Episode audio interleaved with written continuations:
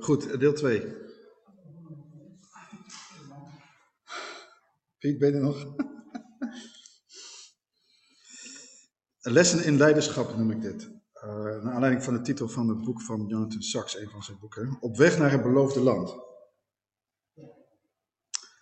Uh, en steek ik in eerst nog met voordat ze bij de Sinai waren. Het verhaal van Jethro. Wat is de les van het advies van Jethro aan Mozes en wat, hoe gaat het ons helpen in ons beeld van hoe bouw je een samenleving op? Hoe hou je de boel bij elkaar? Want Mozes uh, krijgt het, uh, anders zegt, Jethro zegt tegen Mozes, het is niet goed wat je doet. Moet je toch wel lef hebben? Het is, en dan het niet, het niet goed is niet tof. En die uitdrukking, niet goed, kennen we die nog uit de andere tekst? Wat is niet goed? Het is als de mens alleen. En dat geldt ook voor Mozes in zijn functie van leiderschap. Niet in je eentje. Mozes moet leren delegeren. Afzien ook van macht. En de last van het leiderschap delen, zodat alle mensen het volk uiteindelijk tevreden naar hun tenten gaan. En dat is dus het hele idee van uh, een, bottom-up regering in plaats van top-down.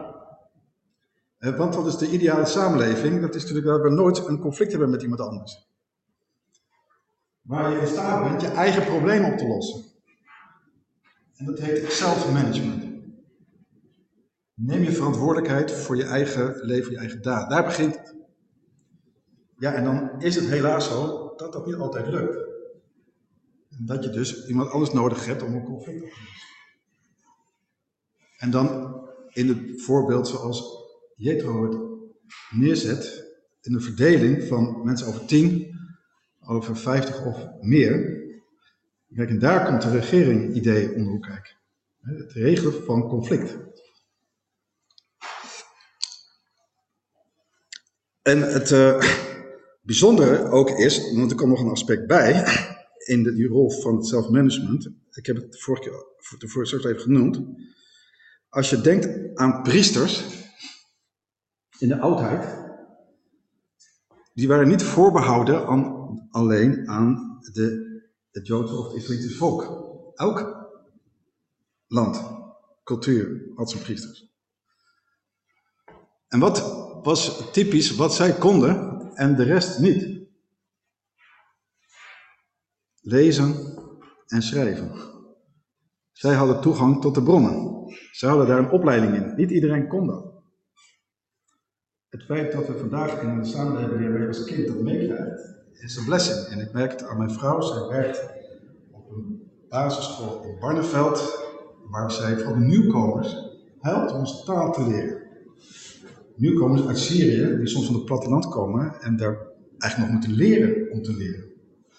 Zo fundamenteel is dat en zo revolutionair was het als dan het volk de opdracht krijgt om die wetgeving te krijgen in te prenten aan hun jongeren. En dat impliceert dat ze ook konden lezen en schrijven.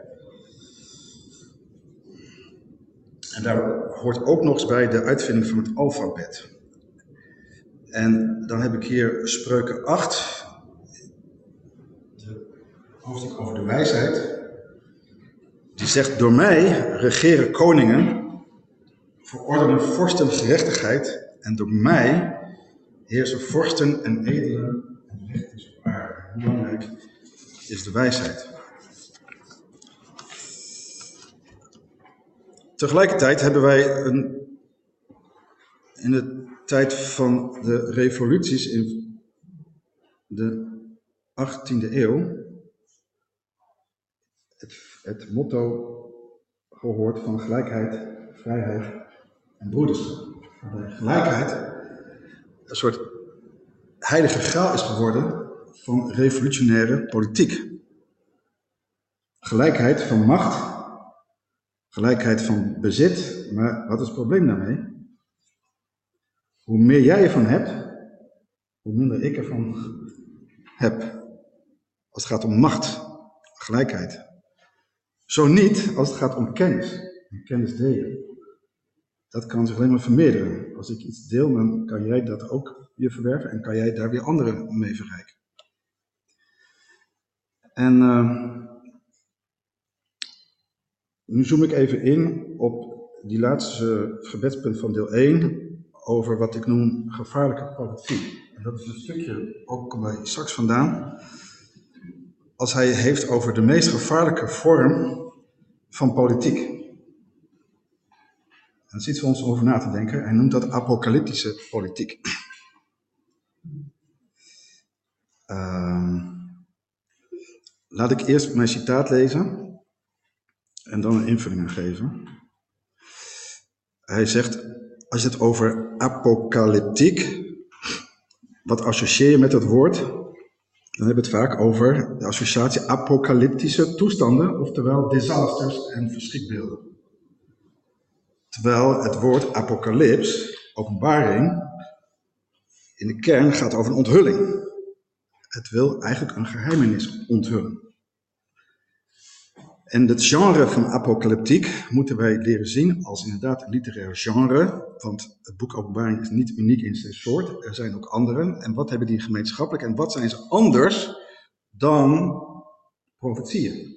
Wat zijn ze anders dan de klassieke profetie? Want profeten dachten in termen van de normale geschiedenis. Want hoewel er misschien tegenslagen en verliezen zijn, zal het volk van God door te leven volgens de wet en de liefde van God, uiteindelijk merken dat gerechtigheid beloond wordt en het kwaad uiteindelijk zijn eigen nederlaag meebrengt. Meebrengt. De profeet, kijk naar alle profeten van Amos tot en met Jeremia, ondanks waarschuwingen zijn ze ook altijd hebben zij een stem van hoop. Het zijn nooit alleen maar doemsprofeten. De apocalyps daarentegen is eerder een stem van de wanhoop. De, volgens ook hè. De normale geschiedenis is er niet in geslaagd een lang verwachte verlossing te bewerkstelligen. Denk aan het Joodse volk overheerst door de Romeinen. Denk aan Daniel in Babel. Komt er een eind aan het regeerd worden door het beest? Wanhoop. Tenzij God ingrijpt. De normale geschiedenis is er dan niet in geslaagd de lang verwachte verlossing te bewerkstelligen. Het kwaad is in geen enkel opzicht een instinct binnen in ons geworden dat we dan kunnen overwinnen. Het kwaad wordt dan een onafhankelijke macht, het werk van Satan.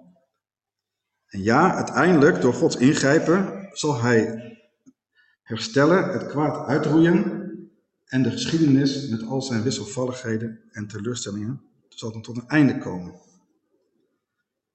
Nu, wij christenen, met name evangelische christenen, worden opgevoed met leringen over het boek Openbaringen ik zal daar nu niet te veel op indiemen, ik stip het alleen maar aan, die gebaseerd zijn op een fundamentalistische lezing van de Bijbel, de werkelijkheid strikt dualistisch ziet en zelfs bereid is, denk ook aan Amerikaanse presidenten, Reagan destijds, zelfs in staat is, bereid zijn de apocalyps eigenhandig te helpen en te ontketenen. Zo gevaarlijk kan het zijn als we ons laten voeden door apocalyptische politiek. En er zijn ook seculiere vormen daarvan, zoals een politiek messianisme. Denk aan de totalitaire democratie. Die staat tegenover, waar juist Exodus om ging, dat we daarvan bevrijd worden. wat is apocalyptische politiek? Zij is uiteindelijk een zoektocht naar revolutie zonder transformatie. Naar verandering zonder het trage proces van onderwijs. En politiek heeft nodig. Uh, nee, sorry. De politiek heeft de neiging haar overwicht te gebruiken als machtsmiddel in plaats van te overtuigen. wat er volgens toe kan leiden dat ze eerder voor de dolle kiezen dan voor het debat. En de waarheid versimpeld wordt tot de keuze akkoord gaan or to die. En dit denken is ook in de islam aanwezig. Een zoektocht, en dat is ook de reden waarom Jan straks een boek heeft geschreven, met de vraagstuk over geweld, niet in Gods naam. En hij eigenlijk zegt, het hele boek Genesis, de hele Bijbel, is juist een stem tegen elke vorm van politiek geweld. Want hij zegt, apocalyptische politiek fout altijd. Omdat het niet mogelijk is om de eeuwigheid te creëren te midden van tijd. Of eenheid te creëren zonder dissidentie. Want als je dat wel probeert, wat krijg je dan? Een nieuwe poging van een toren van Babel bouwen, wat gekenmerkt wordt dat iedereen met elkaar eens moet zijn. Dat je niet een andere mening, andere taal kunt hebben. En dan is religie, wordt dus gevaarlijk en is op, is, en is op haar best als je vertrouwt op de kracht van argumenten, maar ze is op zijn slechtst als je de waarheid onder dwang wil opleggen. Zelfs de Koran begrijpt dat. dat je, er is geen dwang in religie. Maar als religie haar macht opgeeft, uh, dus niet uitgaat van macht, komt ze hopelijk toe aan haar werkelijke taak, namelijk levensveranderen. En ik heb hier een boek bij me. Dat heb ik uh, een keer eerst in de biep geleend en nu van de week toch maar echt aangeschaft. Omdat ik denk, ja, ik moet daar door mijn vader verder in duiken. Want waar hebben wij inmiddels ook in onze samenleving mee te maken? Met protestbewegingen waarin een overheid wordt neergezet als een regime. Of als een beest, of met een ander woord, als een leviathan. En ja, de Bijbel heeft het ook over uh, een zeemonster, een chaosmonster. Maar wat zegt de Bijbel over? Daar gaat het hier over. Om dat met een paar zinnen kort samen te vatten. De chaosmachten die er zijn, wat zegt de schrift uiteindelijk over? Zij zullen uiteindelijk Gods schepping niet overwinnen. Ook niet in de geschiedenis. Sterker nog, ze zullen zelfs in dienst worden genomen ter verhoging van de feestvreugde tijdens de Messiaanse maaltijd. Dus laat je niet blind staren door wat zich voordoet als een leviathan. En dan wil ik iets, uh, nog een ander gedeelte bespreken, ook weer in het kader van Lessons of Leadership, wat Jonathan Sachs noemt de politics of envy. Envy uh, wordt vaak vertaald met jaloezie, maar nog beter vertaald met afgunst. Afgunst. Wat is het verschil tussen jaloezie en afgunst? Jaloezie, jij hebt iets wat ik ook wil hebben. Afgunst, ik kan het uitstaan dat jij het hebt. Dus ik pak het weg. Of ik vernietig het, maak het kapot. Nou, terug naar Numeri. Numeri, wat is eigenlijk het boek Numeri? Waar gaat het over? In hoofdzaak de thematiek van, dan hebben we een verbond. En dan hebben we een kamp en dan zijn we gelegen rondom het heiligdom. En nu gaan we uiteindelijk op weg naar het beloofde land. En is dat een smooth journey? Nee, het is geplaveid met troubles. Met verzet, protest. En, hoe hou je nou een volk bij elkaar wat zo is? Wat, kunnen, wat moeten wij daaruit leren? En dan heb je natuurlijk eigenlijk de envy, jaloezie, van en een Mozes zelf, van een Aaron zelf, van zijn uh, Mirjam, van de families van Levi, Gerson, Kehat en Merari. En dan op een gegeven moment is er sprake van de 70 oudsten, die mogen op een gegeven moment profiteren. En dan zijn er twee die niet daartoe aangesteld worden en dat spontaan doen. En wat zegt Mozes dan? Is hij dan verbolgen over als Jozua daartegen protesteert? Hij zegt uh, dat er juist ingenomen is dat ook anderen profeten zijn geworden en vervolgens uh, zegt hij, uh, Jozua, wil je met mij ijveren? Och waren het gehele volk des Heren profeten, doordat de Heren zijn geest op hen geeft. En dan gaat het over het verschil tussen het hebben van invloed en het hebben van macht. Wat is het verschil? Met invloed uitoefenen, laat ik het, laat ik het zo voor. Mensen met macht, is, is wat ik nu zeg, is dat waar? Mensen met macht hebben invloed. Mensen met invloed hebben macht. En straks, nee, dat is niet zo. Want stel, je hebt alle macht. Je gaat het met negen andere mensen delen. Wat blijft er van je macht over? Het wordt minder. Je krijgt maar een deel van de macht. En dat kun je illustreren, dat illustreert hij met wat hij noemt een speltheorie.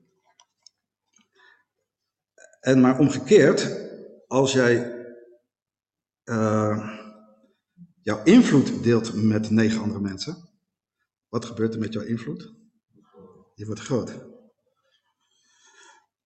Profeten, nee, sorry, koningen, koningen hebben macht. Profeten hebben die niet. Maar zij hadden invloed. Niet alleen tijdens hun leven, maar in veel gevallen tot op vandaag de dag. En Kierkegaard heeft een uitspraak gedaan, als een koning sterft, eindigt zijn macht. Wanneer een profeet sterft, begint zijn invloed. en als het om leiderschap gaat, om malgoed, en dan in het boek Numeri komen we het verhaal van Korach tegen, de opstand van Korach. En ik ga straks ook eens over die verspieders vertellen, die we ook in Numeri tegenkomen. Als het om die Korach gaat, wat was dat? Dat was een politics of envy. Waarom mag jij dat doen en waarom mag ik dat niet doen? En wat moet Mozes daarmee? Uh, hier geldt de regel, er is voor die generatie, er, is, er kan maar één leider zijn. Niet twee. In het koningschap is, is, is wie gaan voor heerschappij, die proberen dus macht te krijgen. En dat leidt dan vaak tot een, van de, tot een poging tot een staatsgreep. En in dat geval moet er geweld gebruikt worden om weerstand te bieden. Want als dat niet gebeurt, dan heb je een deling van de natie in tweeën. Zoals gebeurd is na de dood van Salomo. Mozes kon de uitdaging van Korach niet ongehinderd laten gaan zonder zijn eigen gezag op een fatale manier in gevaar te brengen. Dit is ook een aspect van leadership, waar je soms moet zeggen nee. Maar de Tenach is tegelijkertijd een aanhoudende polemiek tegen het gebruik van macht. Er is wel een concessie, hè, want we leven in een onvermaakte wereld en er is nood om soms ook noodzaak om een dwingende kracht uit te oefenen om de rechtsstaat te handhaven en de verdediging van het Rijk. Vandaar toestemming in het aanstellen van een koning. Maar het echte leiderschap is die van invloed hebben, vooral die van profeten en leraren, en vandaar dat Moshe genoemd wordt Moshe Rabunu, Rabbinu, en ook een Esra, een leraar of een rabbijn die ook nog eens oproept tot het krijgen van discipelen. Nou, en tenslotte uh, wil ik het hebben over de verspieders. Namelijk de grootste collectieve mislukking van leiderschap in de Torah. Wat, en dan is het heel bijzonder, vond ik, dat uh, Jonathan straks een citaat aanhaalt van Robijn Menachem Schneerson van de Gabat, die dus deze vraag stelde, die angst het rapport van die verspieders. Wat was nou hun daadwerkelijke angst? Was dat daadwerkelijk dat van die reuzen? Dat is echt interessant. Het verhaal kun je lezen in nummer 13. En ook Zak zegt het was, dat is onzin. Want zij wisten, zij hadden ervaren wat God vanaf de Exodus allemaal gedaan had. Sterker nog, zij hebben zelfs meegezongen met het lied van Mozes in Exodus 15. En wat hebben ze daar gezongen? De volken hebben het gehoord. Zij sidderden. Angst heeft de inwoners van Filistea aangegrepen. Toen werden door schrik overmand de stamhoofden van Edom. De machthebbers van Moab greep huivering aan. Al de inwoners van Canaan smolten weg van angst. Op hen viel verschrikking en angst. Door de grootheid van uw arm verstomden zij als een steen, terwijl uw volk, Heere, er doorheen trok, terwijl dit volk dat u verworven hebt, er doorheen trok. Dat hadden ze gezongen. En wat is dan de rol van een leider? Niet hemzelf. De rol van een leider is hoe je het vertrouwen bouwt van ieder ander. In het Engels hebben ze daar het woord voor to build confidence. Confidence. En als je dat vertaalt vanuit Latijn, confidei, wat is dan vertrouwen? Het is dat je samen gelooft. Samen gelooft, confideren. Dus opnieuw weer dat thema vertrouwen. En dan krijg je de self-fulfilling prophecy. Als je dan zegt, wij kunnen dat niet, dan gebeurt het ook niet. Dus daar tegenover de boodschap, we can. En dan heb je de boodschap van optimisme. Maar dan moet je weer verder kijken, wat is het verschil tussen optimisme en hoop? optimisme is het geloof dat hoe dan ook het beter gaat worden. Maar hoop is het geloof dat we samen dingen beter kunnen maken. En die, hier hebben dus die leiders, die verspieders, gefaald in hun defetisme. Maar nou het antwoord van Schneerson, wat zegt hij? Wat is nou een angst? Niet dat van die reuzen, maar angst voor succes. Angst voor overwinning. Ken je Ken je dat? De failure to have success, de angst voor succes. Want wat is de implicatie daarvan? Hoe zou de situatie er anders hebben uitgezien in het land? Uh, dan, hadden ze, dan zouden ze oorlogen moeten voeren. Het land moeten ploegen. Zaden planten. Oogsten moeten verzamelen. En een leger, een economie en een welvaartssysteem moeten creëren en onderhouden. Ze zouden moeten doen wat elke andere natie doet. Leven in de echte wereld van de empirische werkelijkheid. En wat zou er met de relatie met God gebeuren? Het zou nog, hij zou nog steeds aanwezig zijn, niet met manna, maar in de regen die gewassen doet groeien, in de zegeningen van het veld en van de stad en in de tempel van Jeruzalem, waar ze drie keer per jaar heen moesten waar God niet zichtbaar was, maar wel aanwezig, intiem. En dat is nou wat, zegt Sneerson, wat die verspieders vreesden. Geen mislukking, maar succes. Want, wat zeg je daarmee? Dan moet je je verantwoordelijkheid nemen. Dan moet je dus niet weglopen. En God wil ook dat wij in de echte wereld van naties, economieën en legers, dat we daarin leven. Hij wil dat we de Shechina, goddelijke aanwezigheid, in het dagelijkse leven brengen.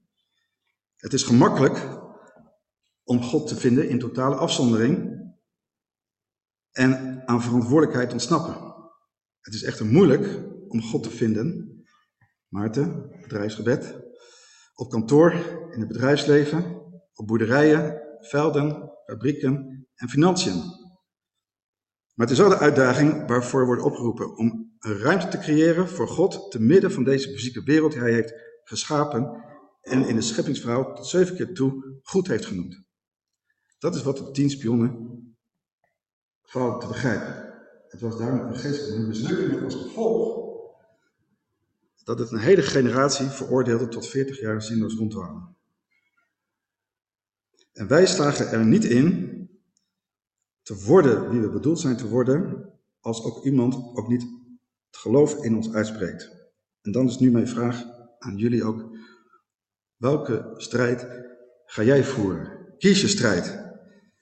Choose your own battle. Want, en dan zonder angst voor wat overwinning of succes zou kunnen brengen. Namelijk nieuwe verantwoordelijkheden. Verwachtingen van anderen die we misschien moeilijk kunnen vervullen enzovoort. Het tegengif daarvan, wat ook toen in nummerie aangereikt werd, is het bevel om de cheat te dragen. En waar staat de cheat dan voor? Met de blauwe draad. Look up. Kijk omhoog. Overwin je angsten en leef vertrouwen op de God die met je is. En laten we dan het kwade overwinnen door het goede. Blijf een zout zout en onttrek je niet aan je verantwoordelijkheid. En uh, verdiende tijd staat er over, maar ik had eigenlijk nog een boekje bij van, uh, ik toch even benoemen. Een uh, Roel Kuiper kwam ik nog in de kast tegen, Mijn Land. En helemaal aan het eind heeft hij een soort I have a dream, toespraak van Mijn Land. En dan moet je dan maar even kijken wat hij daarover zegt. Maar het is niet tijd om uh, die gebedspunten te pakken en deze woorden om te zetten in gebeden.